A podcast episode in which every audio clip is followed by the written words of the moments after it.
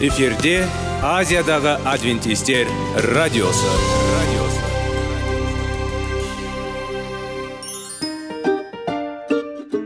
сәлем достар. Денсаулық өмір бұлағы және біздің бірінші байлығымыз демекші денсаулық сағаты рубрикасына қош келдіңіздер. Біздің рубрикада біз әртүрлі факторларменен мәліметтерменен кеңестерменен бөлісіп шын жүректен сіздердің дендеріңіз сау болғанын қалаймыз. Сол үшін біздің рубрикаға қош келдіңіздер. Дайындалып тұрыңыздар. Өйткені келесі минуттарда қызықты фактілерге ие боласыздар. Енді достар ең бірінші байлығымызды қолымызға алып алға кеттік.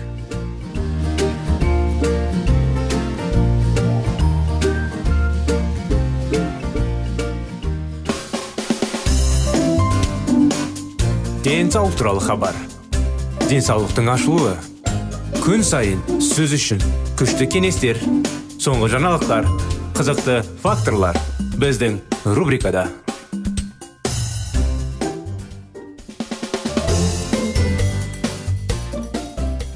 сәлем достар армысыздар ассалаумағалейкум құрметті радио тыңдаушыларымыз біздің денсаулық сағат бағдарламамызға қош келдіңіздер мінекей достар сізбен бірге әрдайым денсаулыққа пайдалы кеңестер мәліметтер тақырыптарды әңгімелеп зерттейміз қандай тақырыптар ол жеміс жидектер жайлы жаңағы аурудан алдын алу жиі ауырмайтындай суыққа қалай қарсы тұру денсаулығымызды ағзамыздың бәрін ретіне келтіріп және де болашақта өміріміз ұзақтай болу үшін қандай тәсілдер қолдану үшін тақырыптар өтеміз сондықтан бүгінгі күнде сіздердің назарларыңызға дұрыс әдеттер болмаса пайдалы әдеттер де десек болады.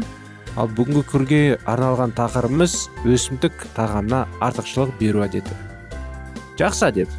Несі жақсы екенін қай жағы жақсы екенін білу үшін ары қарай біздің бағдарламаны алыстамаңыздар. Сіздерге бәрін баяндап береміз. Бүкіл әлемде көп адамдар өсімдік тамағын таңдайды. Бұл пайдалы ма бұл туралы сөйлесейік әрине. Неге өсімдік тағамына артықшылық беру керек? Неге бұл маңызды? Біріншіден бұл жеңіл тамақтану. Өсімдік тамағы етке қарағанда біздің ағзада әлдеқайда оңай сіңіріледі. Екіншіден өсімдік тамағы емдік тағам. Көкөністерде жемістерде жидектерде жаңғақтар мен дәндерде біздің ағзамызға қажетті көптеген дәрумендер мен микроэлементтер бар. Және өсімдік тағамында бұл заттар жануарларға қарағанда әлде қайда көп. Үшіншіден егер сіз өсімдік тағамына көшсеңіз сіздің ағзаңыз үнемі тамақтанумен тазартылады. Көкөністердегі жидектердегі жемістердегі және астық тұқымдастардағы клетчатка ағзадан ішекте жиналғанда шылақтарды ғана емес артық қант тұз холестерин уыттырады да шығарылады. Төртіншіден өсімдік тамағы ми мен жүйке жүйесіне жағымды әсер етеді. Өсімдік тамағы бұл нақты табиғи антидепрессант және ми белсенділігінің стимуляторлары деп айтуға болады. Ал бесіншіден өсімдік тамағы арықтауға ықпал етеді. Расында да көптеген кісілер арықтау үшін осындай диеталарға көшеді. Неліктен ол әрине ағзаға біріншіден пайда әкеледі екіншіден азуға да көмектеседі. Оның тәсілдері көп әрине арнайы ондай сіздерге қалай айтқанда дұрыс диета деп айтсақ та болады. Ал бесіншіден өсімдік тамағы артуға ықпал етеді дегендей біз өсімдік тағамына артықшылық берсек не болады?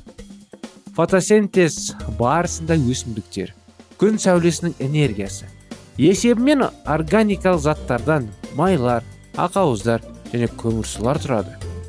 Өсімдіктерде күн энергиясын жинаушы аденозинтрифосфор қышқылы. Сондықтан өсімдіктермен көріктену кезінде күн энергиясы тікелей адам ағзасына түседі. Түрі күн энергиясын беру шикі өсімдік тағамының басты қасиеті. Жемістер мен көкөністер ас қорыту бездерінің секрециясын арттырады ас қорытуды жақсартып және тамағының сіңірілуінің артады диета жаңа піскен көкөністер мен жемістердің басым қолу ішектегі шірген процестерді дамуын шектейді бұл дисбактериоз және дисфункция кезінде әсіресе маңызды өсімдік тағамына артықшылық бермесе не болады егер сіз 20 мың еуро үшін шетел паркін сатып алсаңыз онда сіз банк айранға құйылмайды. Ал мотор минералкасына дұрыс. Өйткені машина оған қарастырылған отын мен мотор май қажет. Ал біз өзіміз де дәмді тамақтанамыз. Бірақ өкінішке орай дененің қажеті жоқ. Өсімдік құрамындасына айырылған тамақтану сезімдікке әкеледі. Рак ауруларының қаупін арттырады тағамдық тәуелдіктерді жасайды. Созылмалы табынуға әкеледі. Ас қорыту қиындықтарды тудырады. Жадымен және мимен қиындықтардың туындуын ықпал етеді. Тағамдағы химиялық қоспалар көп болса мидың барлық органдары нашар жұмыс істейді. Мысалы тек қантты жоғары тұтыну альцгеймер ауруына әкелуі мүмкін. Не істеу керек? Көптеген тартымдылы азақ түлік өнімдері сіз ойлағаннан гөрі сіздің денсаулығыңызға көп зиян келтіреді. Осылайша тамаша шешім жай ғана олардан алыс ұстау болады. Толық өңделмеген өсімдік азық түлігінен ләззат алынасыз мүмкіндігінше тек табиғи көкөністерді жемістерді көкөністерді жаңғақтарды жемдектерді тазартылған жармалар мен дәнді даңқыларды жеп қажет болған жағдайда оларды термиялық өңдеуге ұшыратыңыз. Әрине әр тамақтарда ет жесеңіздерді жиі шөп шалан жеуге үміттеніңіздер тырысыңыздар. Өйткені ағзадағы етті бәрін қорытуға көмек береді әрине ағзаға пайдалы әсерін әкеледі жеміс жидектер. Және де жеміс жидек дегендерде жидектер де жемістер де әр уақытта бізде қолжетімді. Сіздермен бірге біз алдында жеміс жидектер жайлы тақырыптар өткен едік естеріңізде болса. Сонда сіздер маңызды маңызды тақырыптарда маңызды өзіңізге кеңестерді арнайы жазып алдық деп үміттенеміз.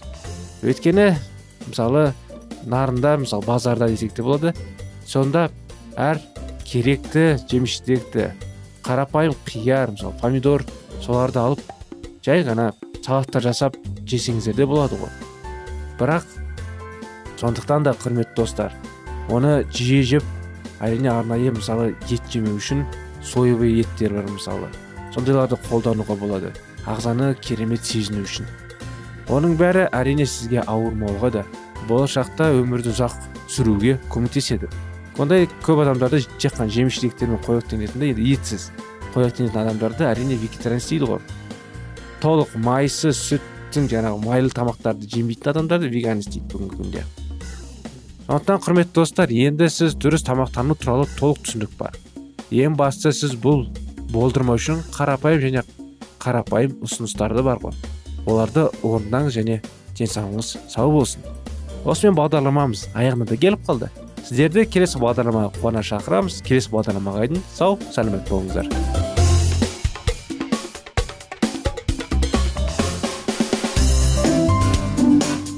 Денсаулық туралы хабар. Денсаулықтың ашылуы. Күн сайын сөз үшін күшті кеңестер. Соңғы жаңалықтар. Қызықты факторлар біздің рубрикада.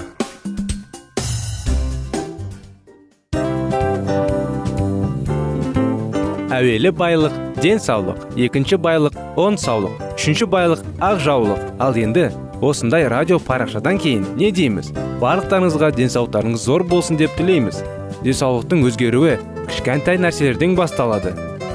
Осымен біз берген кеңестер мен мәліметтер шын жүректен сіздер үшін қандай да бір болсын жәрдем берді деп үміттенеміз.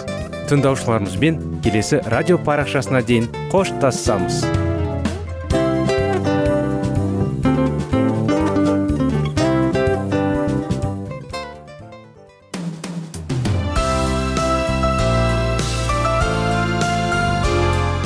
эфирде азиядағы адвентистер радиосы радиосы.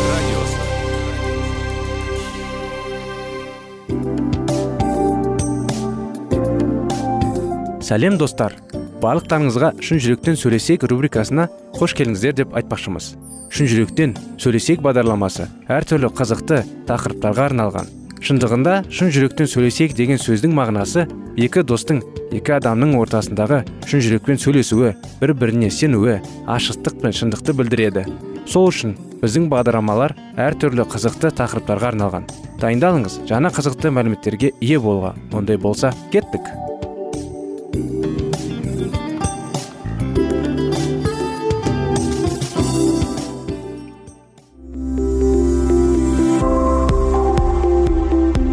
алтын сөздер. Сырласу. Қарым қатынас жайлы кеңестер мен қызықты тақырыптар. Шын жүректен сөйлесейік рубрикасында.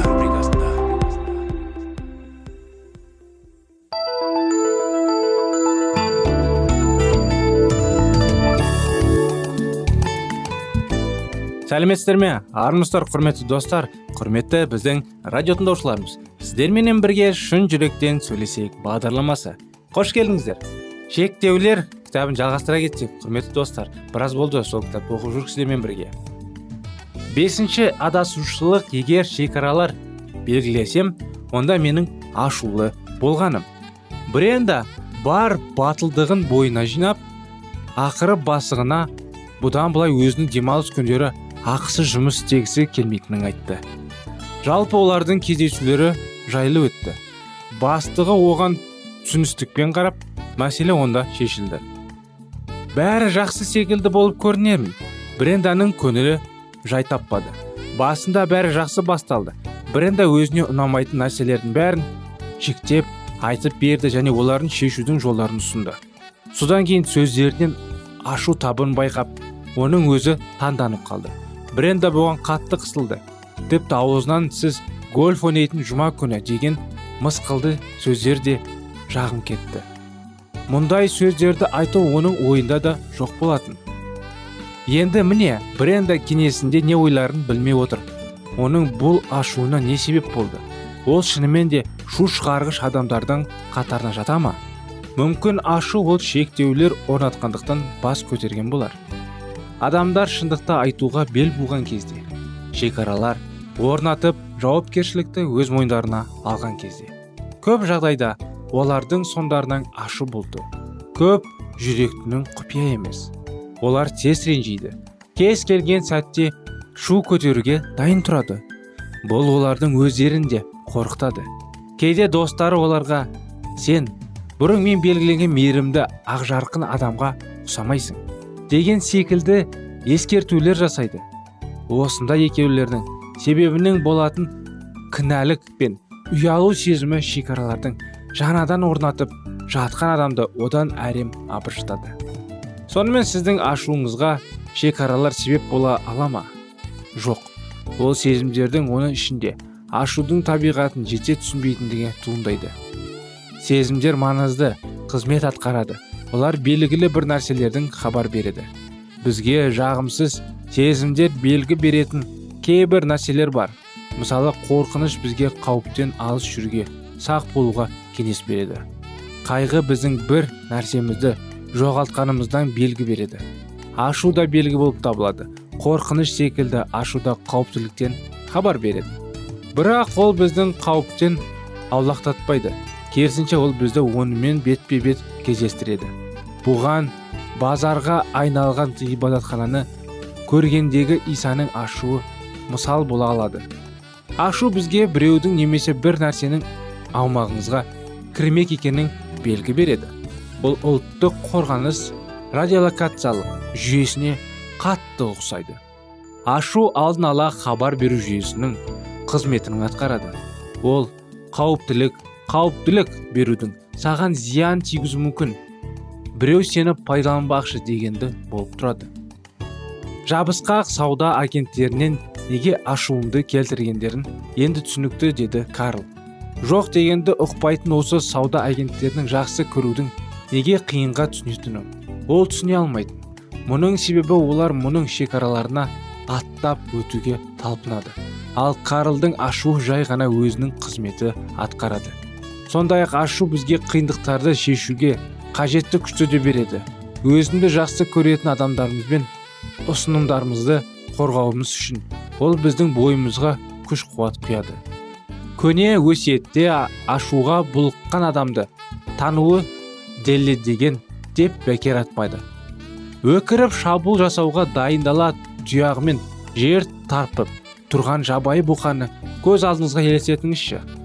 Мұның не екенін сонда оңай түсінесіз. Бірақ өзге сезімдер секілді. Ашу да уақытқа қарамайды. Ашу көзді ашу жұмғаша тарап кетпейді. Ашу көріну және белгілі бір арна бақытуы тиіс. Әйтпесе ол жүректе тіршілік етуін жалғастыра береді. Шекаралары бүлінген кедергілерді жана жана қоя бастаған адамдарды өздерінің ашулары деп осы себептен қатты шошытады. Әдетте бұл мүлде де жаңа ашу емес. Ескі тұрып қалған ашу. Бұл көп жылдар бойы айтылмай келген жоқ. Деген сөзбен сыртқа шықпай ешкім естімеген ішкі қарсылықтардың керісінен пайда болды. Сізге жасалған барша жамандықтарға барша зорлық зомбылыққа қарсы ашу сіздің ішіңізде бұғып жатыр және сыртқа шығу мүмкіндігіне күтуде. Келі жазбада құп патша болғанда жердің солқылдайтын айтады. Құл мен патшаның арасындағы жалғыз айырмашылық. Оның біріншісінде ешқандай таңдау жоқ ал екіншісі қалаған істей алады. Егер өмір бойы қамауда отырған адамға кенеттен билік тиетін болса оның бірден қаһарлы басқаруға айналуы әбден мүмкін. Мұның мысалдары жеткілікті. Ұзақ жылдар бойға шекаралардың бүлінуі үлкен ашуды туындатады. Шекаралары бүлген адамдар ашуға қатысты мәселеде. Оның орнын толтыруға бейім келеді. Кейде олардың өз шекараларының бұзылғанын түсінілуіне көп уақыт қажет болады. Натанның отбасы бәрі тамаша отбасы деп есептейін. Достар оған қызығып сен ата анаңмен сондай жақын қарым қатынастасың ал менің ата анамның менімен мүлде шаруалары жоқ десең жаңадарына аса разы натан бүкіл отбасының өзің басқарып алғандарына жеке әрекет жасап өзінің олардан өзгеше екенін көрсету мүмкіндік бермейтіндеріне еш назар аударған жоқ. Ол жақындарымен бірде бір рет сөзге келген емес. Ол өз назарлығын бірде бір рет көрсеткен емес. Маған үнемі жанжалдасу сүйіспеншіліктен айыратын секілді болып көрінетін дейді ол. Мінекей осыны анықтамамен құрметті достар бағдарламамызды аяғына кеп аяқтаймыз. Өйткені уақытымыз тезде бітіп қалды. Сіздерді келесі бағдарламаға шақырамыз. Жалғасына. Келесі жолға дейін сау болыңыздар.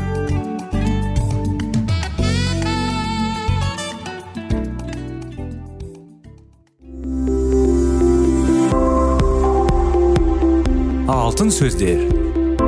Сырласу. Қарым қатынас жайлы кеңестер мен қызықты тақырыптар. Шын жүректен сөйлесейік рубрикасында.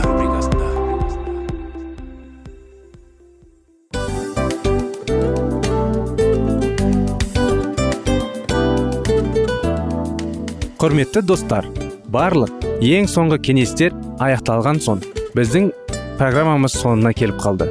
Осы біздің мәліметтер осы рубрикада айтылған әрбір сөздер сіздерге өзінің қандай да бір пайдасын алып келді деп шын жүректен сенеміз.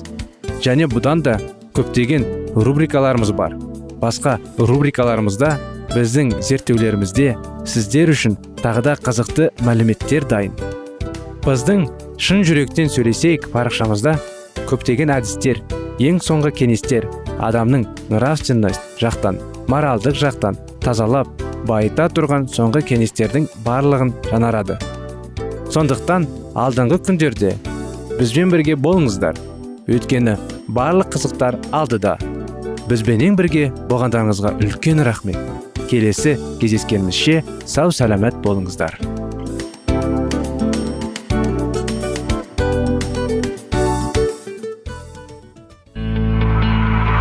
Жан дүниеңді байытқан жүрегіңді жаңғыртқан өмірдің мағынасын ойландырған рухани жаңғыру рубрикасы.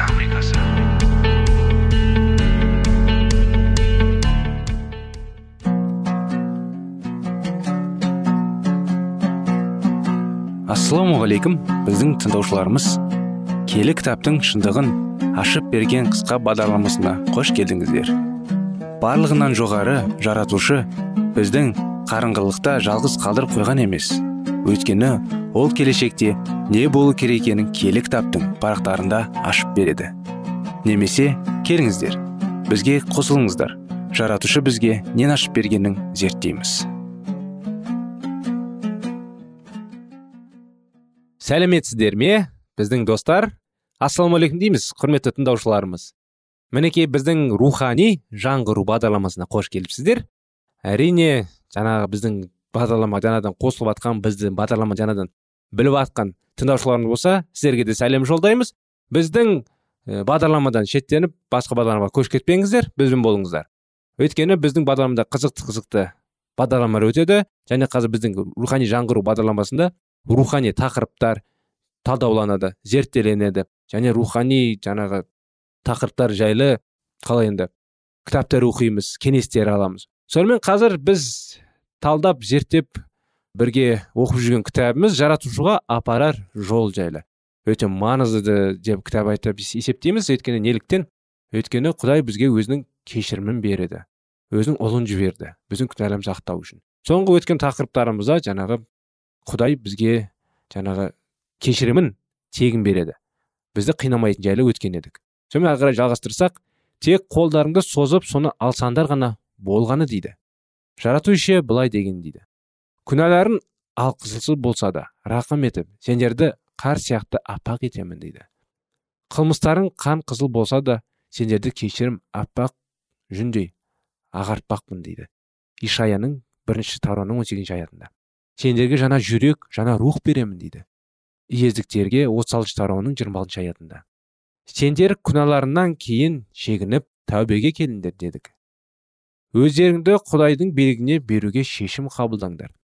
Ендігі жерде сендер оған барып оның өздеріңді күнәдан пәк таза етіп тазалап жаңа жүрек беруін сұраңдар.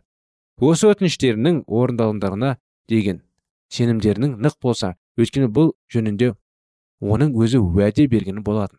Иса мәсіх жерде өмір сүрген кезінде осыны бізге үйреткен. Сондықтан да біз құдайдың уәде еткен сыйын алтындығымызға кімәл сенуіміз керек. Ол сый біздің меншігіміздегі жататын болады. Иса адамдар оның күшіне сенген кезде оларды емдеп ауруларының айықтырады. Құтқарушы адамдарға кернекті түрде ем жасай отырып оларға көрінбесдей іс адамдардың күнәларына кешірім жасау өзінің қолынан келетіндігіне сендіргісі келеді. Сал ауруына ұшырап әбден әсіреген бір адамды емдеу кезінде өзінің ойын былай деп жеткізгенді. Менің жер бетінде күнәларыңды кешіруге билігім бір екіндегі біреулері үшін орнынан тұр да жинап алып үйіне бар дейді. Жохан да төсбелгісін жинап алып иса мәсіх туралы жанғажайып оқиғандағы әңгімелер отырып жоғарындағы келтірген ойларының хақиқат екендігін куәлік айтты. Құтқарушы мәсі құдайдың рухани ұлы екендігіне сендер сеніп сенімдерің арқылы онымен тығыз байланыста тұрып шынайы өмірге ие боласың деген мақсатпен жазылған. Сіздер мүмкін бұндай оқиғаларды естіп ертек деп ойлайтын шығарсыздар жоқ мүлдем жоқ. Жаңа жохан айтқандай әрине киелі кітапта жаңа өсиетте бұндай оқиғалар өте көп. Енді өзге өсиеттерде де бар. Құдай иса мәсіх адамдарға кеп төсегіңді алып тұр да жүр дейді. Кейбір соқырлар болса соқырларды емдеп ауруларды емдеп өлейін деп жатқан адамдарды тірілтіп өлген дертте тірілтіп сондай күшті құдіреттерін көрсеткен еді мінекей одан кейін оның шәкірттері оның ізбасарлары шәкірттері оның ізгі хабарын жеткізуге болған еді. Сонымен қатар әрі қарай жалғастырсақ иса мәсіхтің ауру адамдардың емдегенде туралы жай ғана інжілдік баяндаудан біз оған сену арқылы өзіміздің күнәларымыз үшін кешірім ала алатынымызға көзіміз жетті. Енді сал аурулы болған адамды вифис жерінде емдеу жөніндегі әңгімеге қайтадан оралайық. Аурудың зардабын тартып әлсіреген байғұс жан 38 жыл бойына осындай мәсбірлік күй шешім келген екен. Иса оған ем жасады ба орнында тұрып төсенішіңді ал да жүріп кет деп бұйырды. Әрине сырқат адам оған о құдайым егер сен мені жазып шығарсаң мен сенің бұйрығыңды орындайын деп жауап беруді мүмкіндей ғой. Бірақ ол исаның сөздеріне үйіп сенгендігі сондайлықты бірден орнынан тұруға талпынды. Сөйтті де ол сол бойымен жүріп кетті. Ауру адам сырқатынан құла таза жазылды. Сендердің күнәларың да сендерді осындай жағдайларда душар етті. Сендер өткен өмірлеріңде істеген күнәларыңды түгелдей өтеп жүректеріңді түбелі түрде өзгертіп киелі адам бола алмайсыңдар. Бірақ жаратушы ие сендерге иса арқылы сұраған өтініштеріңнің бәрін орындауға уәде берген. Оның әуделеріне сендер де сеніңдер күнәларың үшін кешірім сұрап тәубеге келіп өздерінің құдай иенің билігіне беріңдер. Оған құлшылық етуге бел байлап шешім қабылдандар осы амалдарыңды өткеніңде өткергеннен кейін құдай міндетті түрде өзінің уәдесін орындайды. Сендер де иса мәсіхтің емінің арқасында ауруларының құлан таза жазылып кеткен байғұс жанға ұқсап жазылып кетесіңдер. Өйткені иса мәсіх науқас адам өзіне сенген кезде оған орнынан тұрып жүріп кету қабілетін берді. Сендер аурудан жазылып кеткендерді күтіп тұрмаңдар. Мен бұған өзімді сау адамдай сезініңде сеніп отырғаным жоқ сенімнің құдайдың өзі уәде еткен дедіңдер иса былай деген еді. Құдайға сиініп оның еркін сай. Не сұрасаңдар да соны қабылдадық деп сеніңдер сонда ол орындалмақ. Марқаның бірінші тарауының жиырма төртінші аятында. Бұл уәде бір ғана шарт ақылы берілген. Біз құдайдың еркіне сай өтініш жасауымыз керек. Ал құдайдың өзі де біздің күнәларымыздан арылтып өзіне тән болғанымызды қалайды. Және бізге киелік өмір салты бойынша өмір сүртуге қажетті күш қуат бергісі келеді. Осыған орай біз осындай алғыс бата үшін өтініш білдіреміз. Осы алғыс батаны алтындағымызға сенеміз. Алғандарымыз үшін құдайға алғысымыз айтқымыз келеді. Исаға келіп күнәларымыздың арылып тазалану және құдайдың заңы алдындағы күнәларымыз үшін опық жеп азап шегіп ұялмау қандай арықтық денеше ендеше енді иса мәсіхпен тығыз байланысты адамдарға құдай жазылу үмітін шығармайды. Олар өздерінің ескі күнәлар болмысын емес құдайдың келі рухының қалауына сай өмір сүреді. Римдерге арналған хаттың сегізінші тарауының бірінші аяты. Мінекей достар құдай бізге өзінің сүйіспеншілігін дайындап тұр екен құтқаруын дайындап тұр екен. Бізге жай ғана қол созып қабылдау керек. Әр адамның еркінде. Сондықтан жақсылап ойланайық бізді не күтетінін не істеуіміз керек екен. Біраз осы тақырыпта біраз нәрселерді талдап отырмыз. Біраз ойланатын нәрселер бар. Сондықтан тақырыптың жалғасы келесі болады болады. Бізді сіздерді келесі бағдарламамызда қуана күтеміз. Сіздерге сау саламат болыңыздар деп рахмет айтамыз.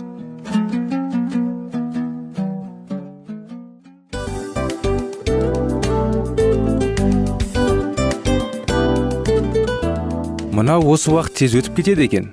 Біздің бүгінгі рубрикалардың аяғына да келіп жеттік. Ақпаратымызды парақшамызды қазір ғана бастаған сияқты едік. Соңында да келіп қалдық. Уақыт деген тегі білінбей өтіп кетеді екен. Бүгінгі 24 сағаттың алтындай жарты сағатын бізге бөліп арнаған үшін рахмет. Егерде өткен сфераларда пайдалы кеңес алған болсаңыз біз өзіміздің мақсатқа жеткеніміз. Кеңестерді қолданам десеңіз өзгерістерді кішкентай қадамдардан бастап іске асыра беріңіздер де жасағандарыңыз үлкен үлкен жетістіктерге жете берсін. Шын жүректен әрбір берілген кеңестер сөздер сіздерге пайдасын әкеледі деп сенеміз. Сіздермен бірге кездесулерімізді сөзсіз түрде асыға күтеміз. Сәтті күн тілеп сіздер менің ұзаққа қоштаспай келесі кездескенімше тек қана сау саламатты болыңыздар дейміз. Достар біздің бағдарлама бойынша сұрақтарыңыз болса әрине сіздерге керекті анықтама керек болса біздің whatsapp нөмірімізге хабарлассаңыздар болады. Плюс бір үш жүз бір жеті жүз алпыс алпыс жетпіс иә достар сіздер қателеспедіңіздер бұл біздің номерлерге ұқсас болмаса да бұл whatsapp номер арнайы.